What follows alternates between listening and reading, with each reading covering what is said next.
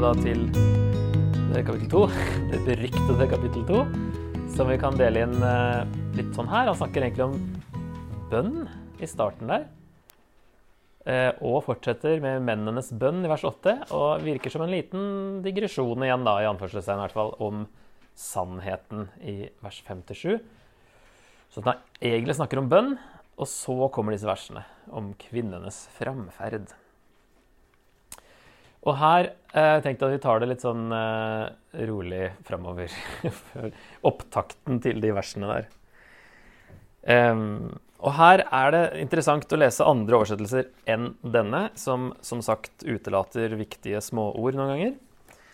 Um, ja, for her har de også med ordet 'derfor', som står da 'Derfor formaner jeg at det blir gjort'. Og her står det 'Fremfor alle ting formaner jeg derfor til at det blir gjort'. Hva sier det oss? Det peker jo tilbake på et eller annet. Derfor formaner jeg. Ok?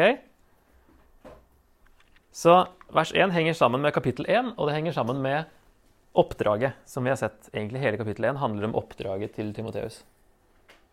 Derfor formaner Paulus her i kapittel 2. Ok, Og så er det også en annen ting som er faktisk lagt til. Tror ikke de har liksom gjort det med vilje, men, eller de har jo lagt det med vilje, men altså at de ikke har gjort det med en sånn teologisk eh, hensikt. Men her står det 'jeg formaner dere'. Men ordet 'dere' er jo egentlig ikke der. Det er jo fortsatt til Timoteus. Fremfor alle ting eh, formaner jeg derfor at det blir gjort bønner. Og så videre står det her i ressurs. Det kan være litt sånn forvirrende at uh, plutselig snakker han til alle sammen. Generelt i menigheten. Nei, han snakker til Timoteus. Det er oppdraget og han snakker til hva Timoteus skal passe på skjer. Det handler jo om de andre, men det er ikke plutselig generelt til alle. Det handler om oppdraget, og dermed handler det om vranglæren. Det er, derfor, det, er jo det som er oppdraget hans. Ja, så hvis jeg leser videre um, frem, Jeg kan lese fra ressursen, siden jeg er der. At det blir gjort bønner, påkallelser, forbønner og takk for alle mennesker. Ja, for alle mennesker. Her er det eh, plutselig trykk på alle for konger og for alle som er i høy stilling, som vi kan leve et stille og rolig liv i all Guds frykt og ærbarhet. Dette er godt og til behag for Gud, vår frelser, han som vil at alle mennesker skal bli frelst og komme til sannhetserkjennelse. Der har vi et av de andre versene som sier at eh, Gud vil at alle mennesker skal bli frelst. Og det at Paulus vil eh, altså legge vekt på alle da, i vers 1 og 2 og 6 Han som vil at alle mennesker skal bli frelst. Um, har det noe med gnostiske tanker å gjøre, det òg? Der frelsen var ikke for alle, men for bare den såkalte intellektuelle elite. De som hadde fått denne spesielle type gnosis. Kan være et sånt uh, Ikke kanskje helt overbevisende for alle, men det er jo litt sånn påfallende understreking av alle, da, plutselig. Kanskje det har noe med det å gjøre òg. For det er én Gud Ja, det er det som er kalt en digresjon da, eh, om sannheten i vers 57. For han sier 'sannhetens erkjennelse' i vers 4. For det er én Gud og én mellommann mellom Gud og mennesker, mennesket Kristus Jesus. Det kan jo være at han faktisk, hvis det er den type gnostisisme her som vektla at Jesus ikke var et menneske Det var to retninger, skjønner du. De måtte jo finne på noe lurt hvordan Jesus ikke kunne være både Gud og menneske så var det jo enten ok, han bare så ut som han var menneske, men han var egentlig bare en ånd. Og I så fall så legger Paulus vekt på at det er mennesket Kristus. Han var faktisk et menneske. Andre retningen var at han eh, var bare et menneske, men som fikk denne her guddommelige Kristus over seg i tre år. Fra dåpen til korsfestelsen. Det kommer vi inn på i 1. Johannes. Um, så fordi han understreker mennesket, mulig, da, det, men det vet vi jo ikke hva slags type gnostisisme det var her. Han som ga seg selv til en løsepenge for alle, et vitnesbyrd i eh, sin tid. For dette ble jeg satt til forkynner og apostel. Jeg sier sannhet, jeg lyver ikke. En lærer for hedningene i tro og sannhet. Og så kommer han tilbake, da. Eh, jeg vil altså at mennene på hvert sted Og i Bibelen Guds ord står det 'Jeg vil derfor at mennene på hvert sted skal be slik at de løfter hellige hender uten vrede og trette, eller uten strid, som det står i Bibelen, Guds ord. Ok, der har vi et nytt 'derfor'. Det peker jo også bakover. Det henger jo sammen hele veien. Og vers 8, da Det blir jo teknisk her, men jeg tror det er viktig i opptakten til kvinneversene. Vers 8 fortsetter da fra Er det enten fra vers 7, der Paulus snakker om sin autoritet og oppdraget han har fått, at han derfor kan um, befale ting si, til menigheten. Eller hele det vi har sett, vers 1 til 7, som fortsetter fra kapittel 1 og fra oppdraget til Timoteus. da. Uansett så snakker han fortsatt om bønn, så det henger i hvert fall sammen med det han begynner med her. Eh, bunner i vers 1, og her er det at mennene skal be. Så jeg vil nok eh, kanskje lande på B der i så fall. At han har en liten digresjon, kommer tilbake til hva vi egentlig snakker om her. Det er bønn, og derfor vil jeg at mennene skal eh, gjøre det sånn. Uten strid. ok? Det var mye krangling. Ja, snakker om bønn, har vi sett. Det er en sammenheng der. Men det var jo mye krangling der. Er det jo pga. vranglæren? Jeg har noen ja, 3-3 og 6-4 til 5, og i 2. Timoteus 2, 23-24. Der er det snakk om strid og bråk. Så mennene skal be med løftede hender uten strid. Det jo virker som at det går inn i, i situasjonen.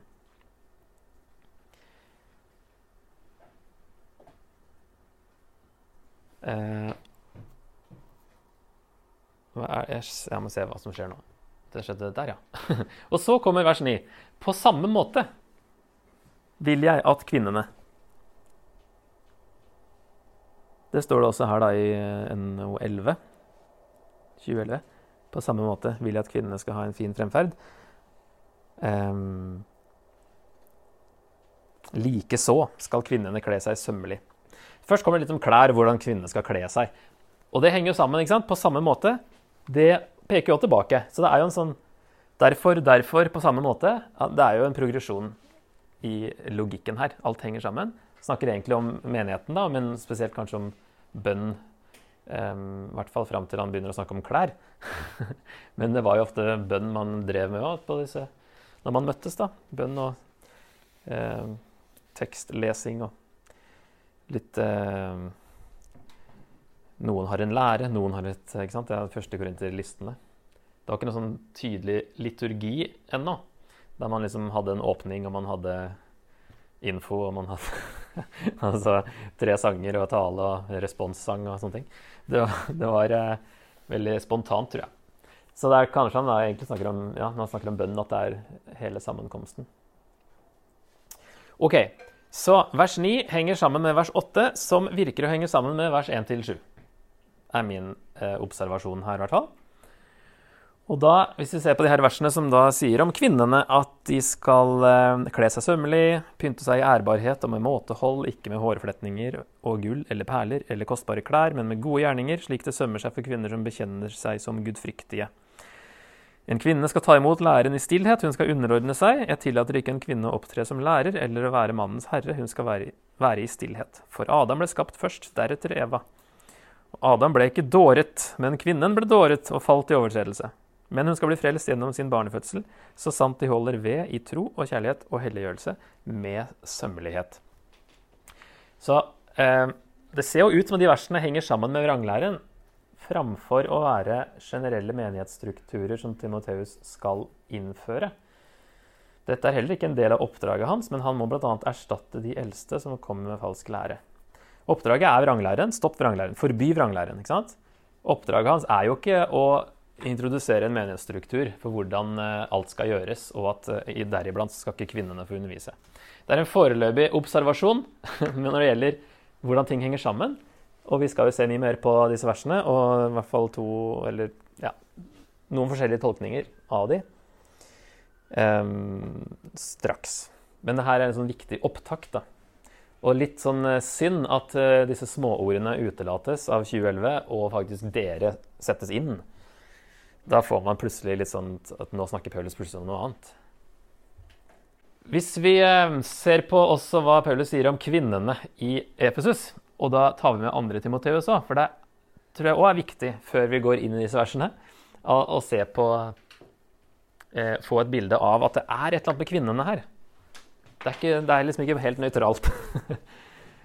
Her sier han at de skal ha en fin framferd og smykke seg med måte. De skal kle seg med gode gjerninger, skal ta imot opplæring i stillhet og underordne seg i alt. Skal ikke undervise eller bestemme over mannen. Skal være stille. Og skal bli frelst gjennom barnefødselen. Der blir det allerede ganske rart. Hva er det Paulus sier for noe her? De kvinnelige diakonene eh, Det er i hvert fall vanligste tolkningen, selv om noen tolker det som konene til diakonene, ettersom kvinne og kone er samme ord. Det kan vi kanskje kikke på i morgen. De skal være hederlige, uten sladder, edruelige og pålitelige i alt. Virkelige enker er kjent for gode gjerninger, har oppdratt barn, vist gjestfrihet osv. Noen yngre enker har ikke noe å gjøre, springer fra hus til hus, sladrer, blander seg i andres saker, snakker om ting som ikke passer seg. Spesielt de yngre enkene er et problem her. De yngre enkene skal gifte seg, sier Paulus i kapittel 5, og de skal få barn, og de skal styre sitt hus. Noen yngre enker følger allerede Satan. Vendt seg bort fra Jesus, da, og uansett annet hva du følger, så følger du Satan. Det er kanskje det Paulus sier da. Alt annet enn Jesus er Satan. Vranglærerne får spesielt makt over svake kvinner som er nedlesset i synder, og som lar seg drive av all slags begjær, sier han i 2. Timoteus 3. Og de får stadig undervisning, men lærer aldri sannheten å kjenne. Så hvis vi tar med de to siste der, fra 2. Timoteus, så er det enda mer noen spesielle kvinner som er et problem, problem her. OK, først dette her med, med hårpryd, holdt på å si. Frisyrer. Så dette er kanskje tilsvarende i dag, jeg vet ikke. Men eh, det var i hvert fall eh, eh, Håret spilte jo en stor rolle da, den gangen. Det har vi jo sett på ikke sant? i første Korinto med tildekka hår og, og sånne ting. Hvis man da i stedet lagde seg voldsomme frisyrer, så eh, var ikke det akkurat det Paulus eh, hadde sett for seg. um, egentlig det å um, Hvis du var gift og, og um, Skal vi se med noen notater her. Uh, ja, det å kle seg veldig opp, da. Eh, for kvinner var på en måte det samme som at du var litt sånn ikke i underordning, i hvert fall til mannen din. Og um, var litt sånn promiskuøs, som det heter. Eh, nesten som om du var utro når du kledde deg på en sånn fancy måte. Um, så Paulus sier jo her Interessant da, når vi snakker om sånn dress code sant, i uh, menigheter. Nevnte vi det kanskje her i forbindelse med romerne òg at uh, det her er jo det eneste tror jeg, stedet. Paulus sier noe konkret om hva man skal ha på seg, og da sier man at han, de skal kle seg ikke for fint. Ikke sant? Og så er vi vant til, eller har mange vært vant til å måtte kle seg opp. Um, så er det egentlig da ikke ta helt av, sier Paulus. Uh, menn ble spesielt, altså menn, to ender, ble spesielt tiltrukket av kvinners pyntede hår.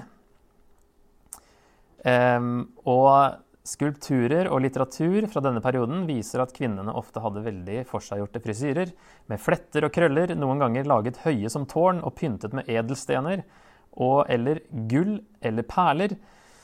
Kurtisanene, det var noen sånne luksusprostituerte, tror jeg, hadde utallige små fletter med gull eller perler eller edelstener for hver andre centimeter, noe som fikk håret til å skinne. Og ikke minst, bare kvinner som hadde slaver eller frisører til å hjelpe dem, altså kvinner av høy status, kunne ha slike frisyrer som Paulus beskriver her. Så det, det er jo uh, viktig bakgrunn her, da. At uh, det var noen få rike damer som uh, hadde muligheten i det hele tatt. Og håret spilte en annen rolle den gangen enn i hvert fall i Vesten i dag. Um, og så var det jo I starten så var jo ikke søndagen um, De samla seg på søndag fordi Jesus sto opp på søndag. Men det var jo ikke noe helligdag i Romerike, så de skulle jo på jobb. Så det var i hvert fall ikke noe å å Altså, de rike skulle ikke på jobb, så de kunne jo kle seg sånn. Men alle andre som var slaver eller hadde en annen type jobb, hadde jo på seg det man skulle på jobb. Si, arbeidsklær. Så det var ikke noe oppkledning den gangen. Og det var ikke akkurat sånn uh, Måtte være litt sånn hemmelig òg når man møttes. Så de møttes da før arbeidsdagen og etter arbeidsdagen, i hvert fall i starten. Jeg eh, hadde nattvær på kvelden da, etter arbeidsdagen. Så da var det bare de som, eh, bare aristokratene som kunne pynte seg sånn her, og ikke trengte å ha på seg arbeidsklær. Og det er nok det Paulus tenker på, ja. Deriblant det. Om det ikke var noe enda mer med damene her, da. Men i hvert fall så det, symboliserer det jo klasseforskjeller. Og det var jo det som egentlig gjorde at det ble en Så vidt jeg fant ut, da, for jeg dykka litt ned i det her forrige gang jeg skulle undervise, første Timoteus, at um, Fordi jeg var jo også, jeg gikk litt på nett for å finne ut liksom hva For det var jo sånn et debattforum da, ikke sant? der folk snakka om kleskode i kirka. Og da var liksom alltid begrunnelsen, eller oftest da, begrunnelsen for å kle seg opp, det var at du skulle se bra ut for Gud. Eller ha på seg det beste for Gud, liksom. Hvis du skulle møte presidenten, liksom, ville du ikke da kledd deg opp? ikke sant? Her skal du faktisk møte Gud. Og så bare OK. um, og så var det en som sa at uh, altså opphavet til den oppkledninga var at uh, history is a little fuzzy på dette her. Men um, så vidt vi kan se, så er altså the real reason for our Sunday splendor is so that we'll look good if we happen to run into Emperor Constantine or his aristocratic friends. Det var sånn Etter at det ble statsreligion, så var det plutselig OK, da må vi kanskje kle oss opp i tilfelle det kommer noen uh, viktige personer. På 300-tallet, altså. Og så var det en artikkel som hevda at det ble vanlig på begynnelsen av 1800-tallet i Europa. Uh, eller først i England, så i Nord-Europa og Amerika etterpå som en konsekvens av den industrielle revolusjonen. Og at arbeiderklassen ble plutselig en ny klasse. Og så ville de vise at vi er ikke fattige, så vi kler oss opp på søndag. For å vise at de var liksom Nå var det ikke bare to skiller, eller to klasser, nå var det tre. Så ville de liksom fremstå bedre enn kanskje folk så på dem, da. Og så var det en eh, amerikansk pastor som sa i 1846 at a church-going people are a dress-loving people. Så da var det også liksom fora med det, da, at hvis du skal gå i kirka, så kler du deg opp. liksom. Ja, så er, De versene her er jo også relevante for det som nå kommer. For vi snakker jo ikke så mye om det her. Um, men vi snakker veldig mye om at kvinnene skal uh, ikke undervise osv. Men uh, det er jo samme åndedrag at Paulus sier det her. Og det forrige, ikke minst, at alle menn skal be med løftede hender. Det snakker vi ikke så mye om. Kvinnene skal ikke undervise. Menn skal alltid be med løftede hender. Der er det litt skjevt fordelt. Så spørsmålet er jo da er det tidløst eller tidsbestemt. Tidløs kvinner skal ikke undervise eller bestemme over menn. Så det begrunnes altså, ja, Argumentet for det er at det begrunnes teologisk med skapelsen. At er Paulus argumenterer ut fra skapelsen her etterpå. sant? Adam ble skapt først. Um, han argumenterer ikke ut fra kultur, som han gjør andre steder. Det her med at, Så at evangeliet ikke skal bli spottet eller få et dårlig rykte, sånne ting, som han sier, bl.a. i Titus. Um, her er det liksom skapelse som er argumentet. Og så sier han i kapittel 3.: Hvis jeg blir forsinket, så skriver jeg slik at du kan vite hvordan en bør oppføre seg i Guds hus. Og det vil jo da noen kalle for the blueprints for the church. Og da blir plutselig det her liksom, i så fall løftet ut av konteksten i Efsus, og at det er the blueprints for the church. Hvordan man bør oppføre seg i Guds hus. Det er det Paulus skriver her i brevet. Da må man i så fall tolke den 3.15 da, og gå nøyere inn på den og se mener Paulus hele brevet, eller mener han noe annet i nærkonteksten der. Eller mener han likevel hele brevet, men at det ikke er tidløst for det? Altså hvordan man bør oppføre seg i Guds hus nå i denne kulturen, f.eks. Eh, videre så argumenterer man da for at Paulus kunne sagt 'Jeg tillater ikke en kvinne å komme med vranglære' og bruke ordet 'heterodidaskalo' i stedet for 'didaskalo'. Altså Didaktikk kommer jo av det ordet her for å undervise. Hetero betyr annen, så er det en annen lære. Eller vranglære, da. Han sier ikke det. tenker man at uh, Derfor er det mer generelt enn at det gjelder en vranglære i Efsus. Og han kunne ha sagt 'hun skal tie' og bruke ordet 'sigao', som han bruker i 1. Korinter 14,34, hvis han ville stoppe vranglæren.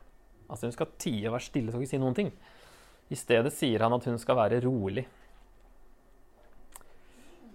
Så det er litt sånn der han kunne sagt, han kunne sagt. Det er litt sånn litt sånn sårbare argumenter, og at vi vet hva Paulus ville eller burde ha gjort. Eh, og så er det jo et kraftig argument det her at dette har vært den tradisjonelle tolkningen i, i hvert fall akademiske kretser fram til 1969, var visst et årstall som jeg fant, eller en annen fant. en som en på Trinity Evangelical Divinity School i USA som eh, Jeg tror det er USA. Som eh, I hvert fall i, i liksom forskermiljøer da, så var det ikke før 1969 at han oppdaga dette synet, at det begynte å komme i akademiske kretser. Tradisjonelt så har det jo vært tolka som at kvinner ikke skal være prester, blant annet. Det var jo på 60-tallet vi fikk første norske kvinnelige prest, tror jeg. Så det var jo noe på 60-tallet med frigjøring og sånt som skjedde, at man eh, også begynte å tolke disse versene annerledes. Interessant. Denne ved tidsånden her, da. Eh, så det er i hvert fall de argumentene jeg har hørt og kunne komme på um, for at dette er tidløst. Det er sikkert flere òg. Jeg har ikke lest alt som har vært i den debatten i det siste. Og så skal vi se på den tolkningen da, om at det er tidsbestemt. Um, her er det for så vidt to andre litt mindre populære tolkninger som òg går på um, det at Paulus endrer til entall og snakker om én kvinne. Snakker om kvinnene først, og så snakker han om én kvinne. Og så er det noen som mener at det er én bestemt kvinne i Efesus. Jeg, jeg, jeg, ser ikke det så veldig tydelig i, i teksten. Um, og at han kunne ha nevnt navnet men han visste navnet, men uansett så kunne han vært tydeligere med at det var en, en kvinne. En spesiell kvinne. Høres veldig generelt ut. En annen er at uh, dette med kone og kvinne at det betyr det samme. Og at det er snakk om at konene ikke skal undervise sine egne menn. Ehm, det er jo språklig mulig, men kanskje ikke mest naturlig lesemåte, det heller. Ehm, så den vanligste andre tolkningen er jo det her med at det er tidsbestemt, fordi at dette gjaldt et problem i Efesus, og ikke, at det ikke er en generell eh, ting som gjelder alle menigheter til alle tider. Dette er det eneste verset i Bibelen som forbyr kvinner å undervise trengte Timoteus å høre dette, ettersom han var en av Paulus sine nærmeste medarbeidere, som vi så i starten. Altså, er, Hvis det bare står ett sted, hvorfor står det da bare akkurat her, hvis det ikke har noe med Efesus å gjøre og oppdraget til Timoteus? Eh, og så har vi disse Priscilla og Akvilas, som vi har sett flere ganger. Involvert her og der. De har tidligere undervist en mann. Nå var jo de sammen. Eh, men Priscilla nevnes først hele veien. Um, Aquilas nevnes, nevnes, vel første gang Altså, han nevnes først første gang de nevnes. Det var et bra ordspill, håper jeg. Men uh, etter det så er det Priscilla som nevnes før sin egen mann. Så hun er i hvert fall ikke en sånn her passiv dame som bare henger på mannen sin. Hun er kanskje den som er minst like mye frampå som han, da, og underviser en mann i Efesus, altså Apollos, som vi leste om i Apostelens gjerninger, 18, som bare kjente til Johannesdåpen. Der er det de to, med Priskilla som nevnes først, som da underviser uh, Apollos. Og det skjer faktisk i Efesus, og sannsynligvis med Paulus sin godkjenning. Jeg tror ikke han hadde noe imot det. Ingen, ingen tegn på det, i hvert fall. Og så har vi også sett på at En konsekvent tolkning av vers 8-15 betyr at menn alltid må be med løftede hender, mens kvinner aldri kan flette håret, ha dyre klær eller undervise, undervise menn. Så det er som regel den siste vi henger oss opp i. Og vi kan ikke ha, ikke ha fine fletter. Og menn må alltid be med løftede hender.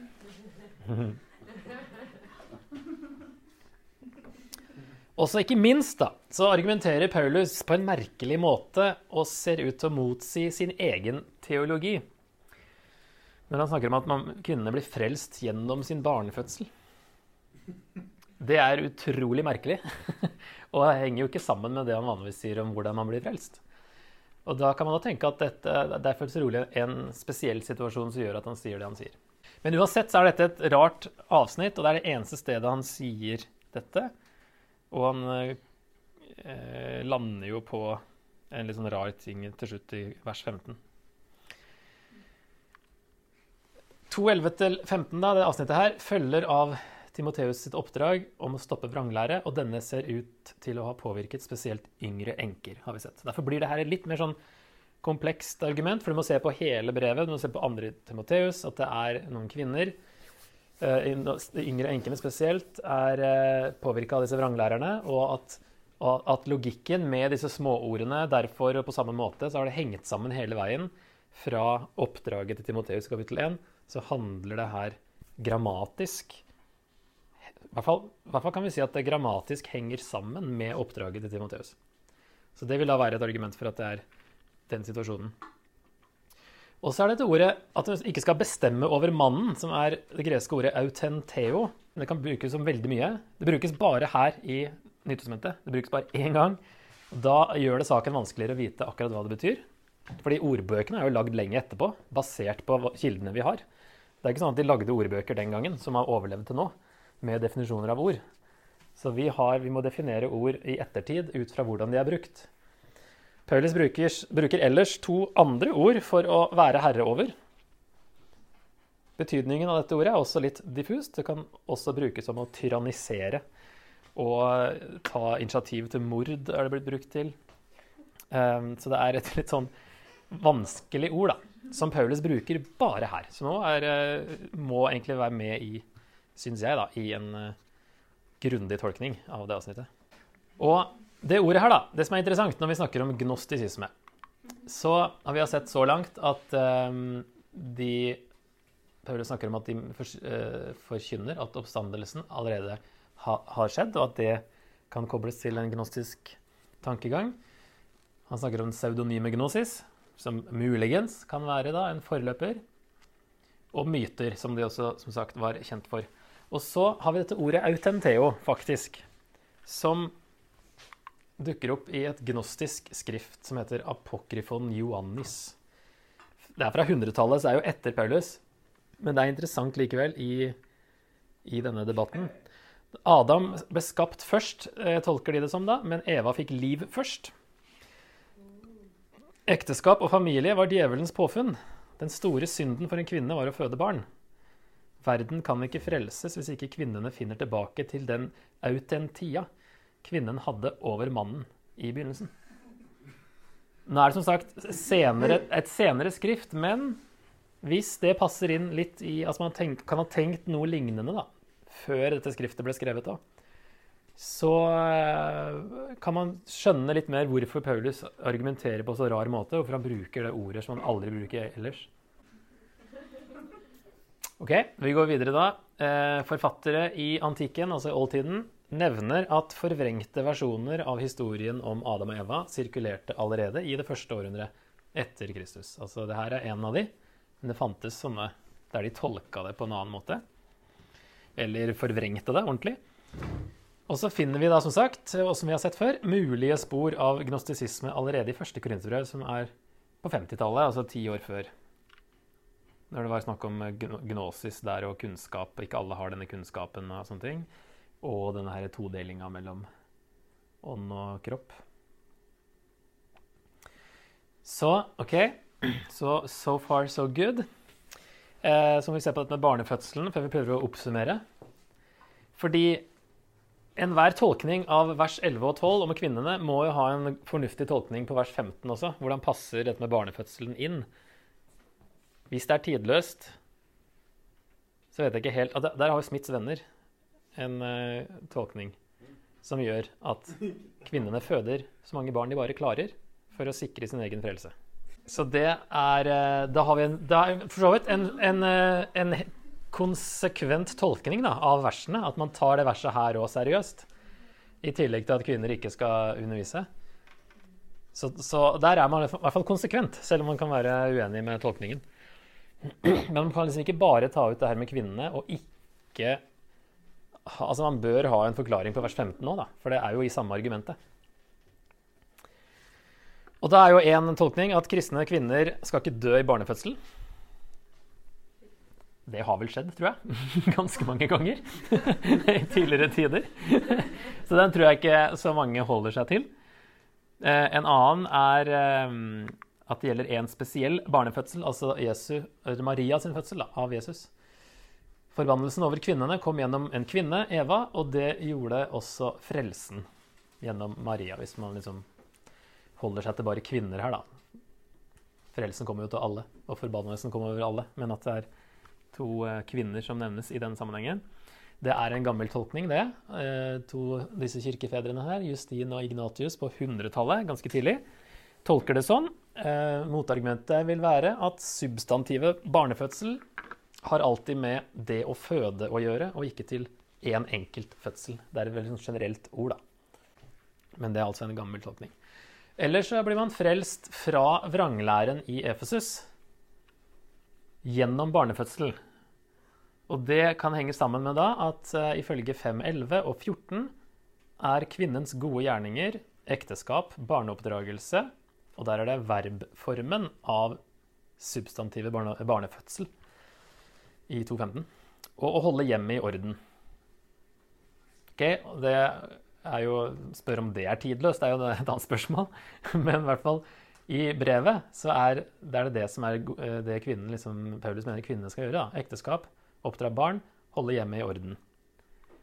Og Hvis de yngre enkene gifter seg igjen og får familie, er det større sjanse for at de blir bevart i troen og frelst, ettersom vranglærerne da mister innflytelsen over dem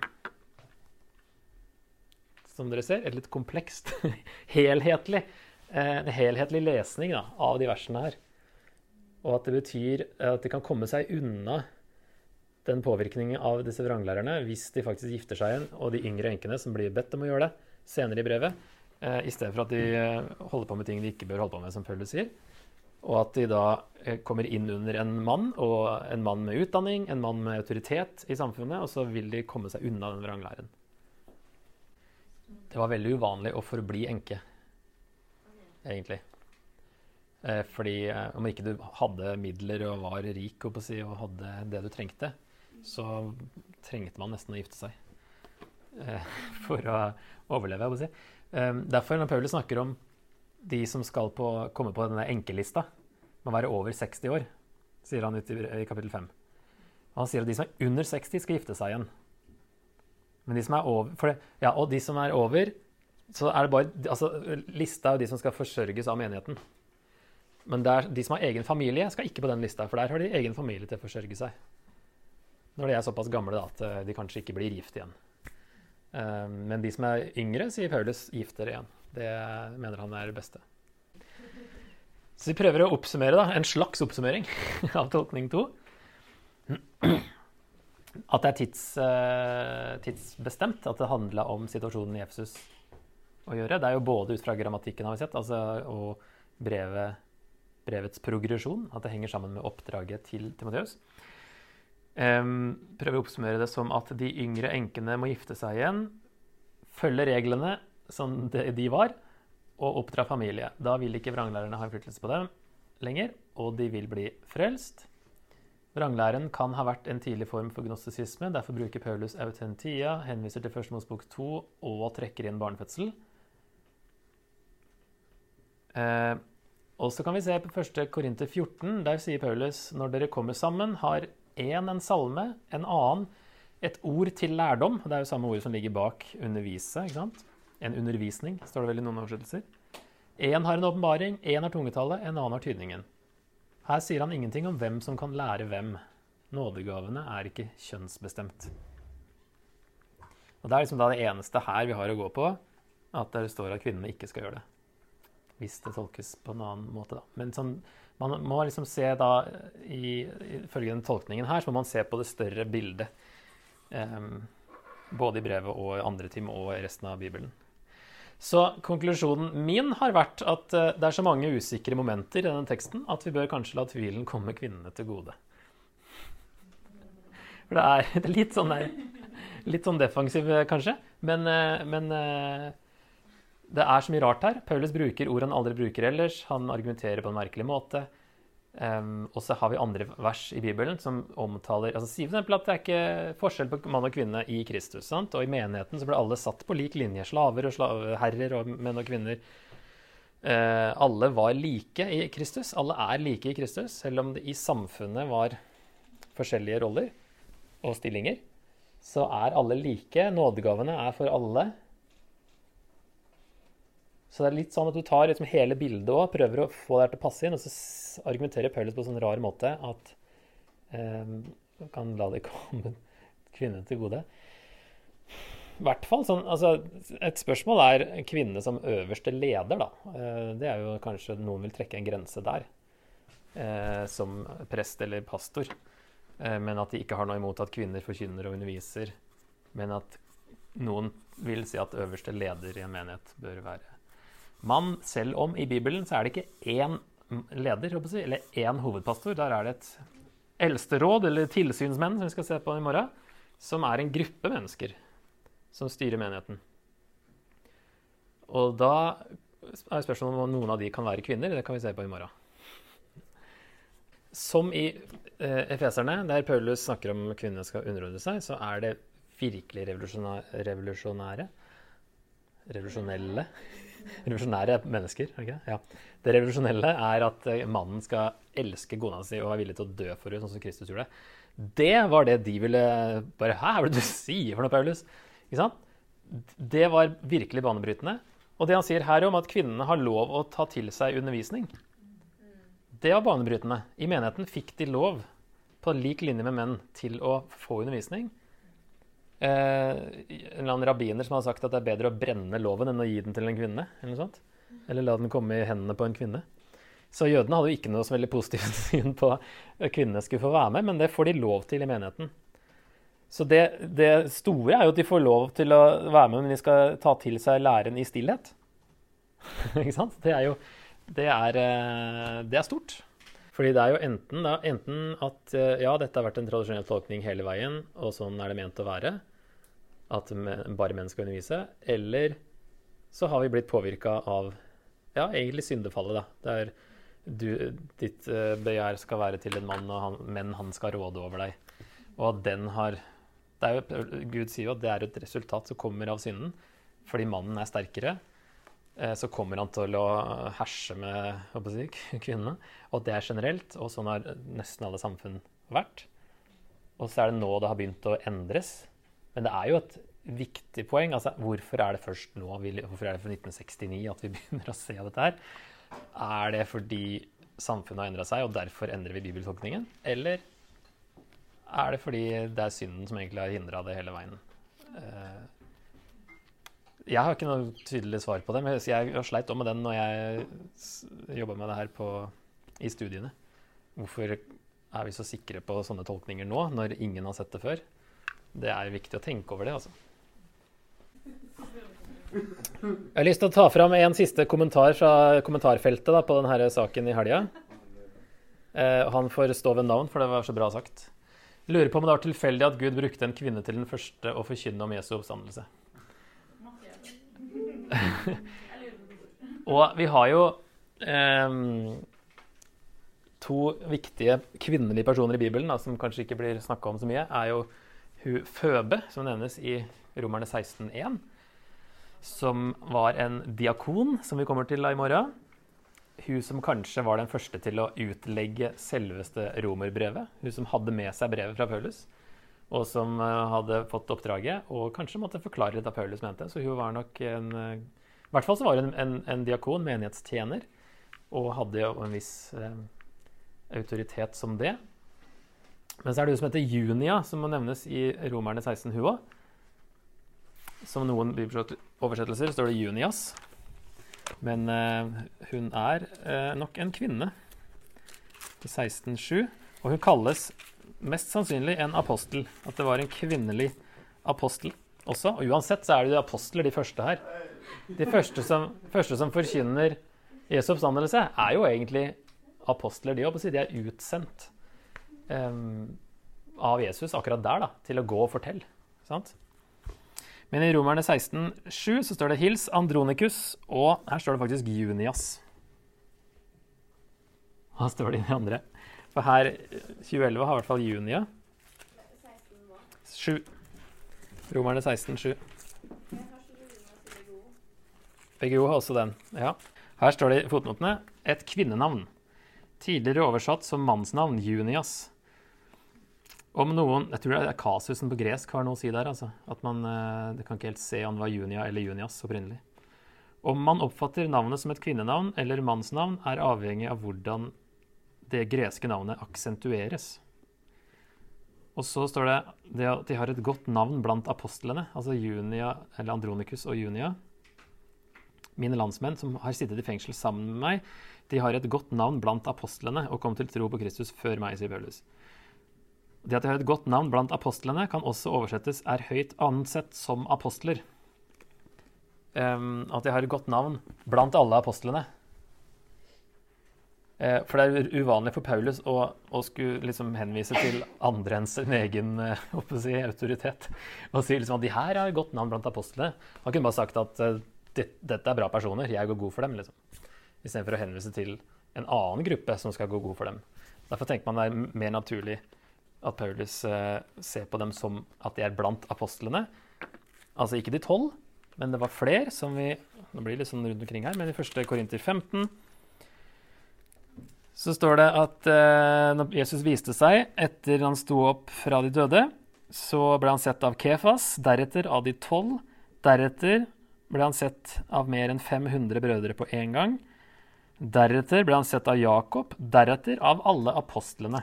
Og Der virker det som at de alle apostlene der er en annen gruppe enn de tolv som var nevnt før. Og at det var flere enn de tolv som kalte seg apostler. Og deriblant kan Junia ha vært en av de kvinnene som ble kalt apostel. Ja, altså det skrev her, Ordet står i akkusativ, altså kasus, eh, og der står det junian. Sånn det, det, du se hva, du ser ikke der hva som er opprinnelig, om det er junias eller junia. Um, junias kan være kort, kortformen for junianus. Men det er ingen Det er vel Keener sjøl faktisk i den Nytestamentet her som sier at det er ingen eh, beviser for dette navnet i romerske inskripsjoner som vi har, mens Junia var et veldig vanlig latinsk jentenavn. Så det er vel Jo, Jo, også Junia ser ut til å ha vært en kvinne opp til, fram til reformasjonen.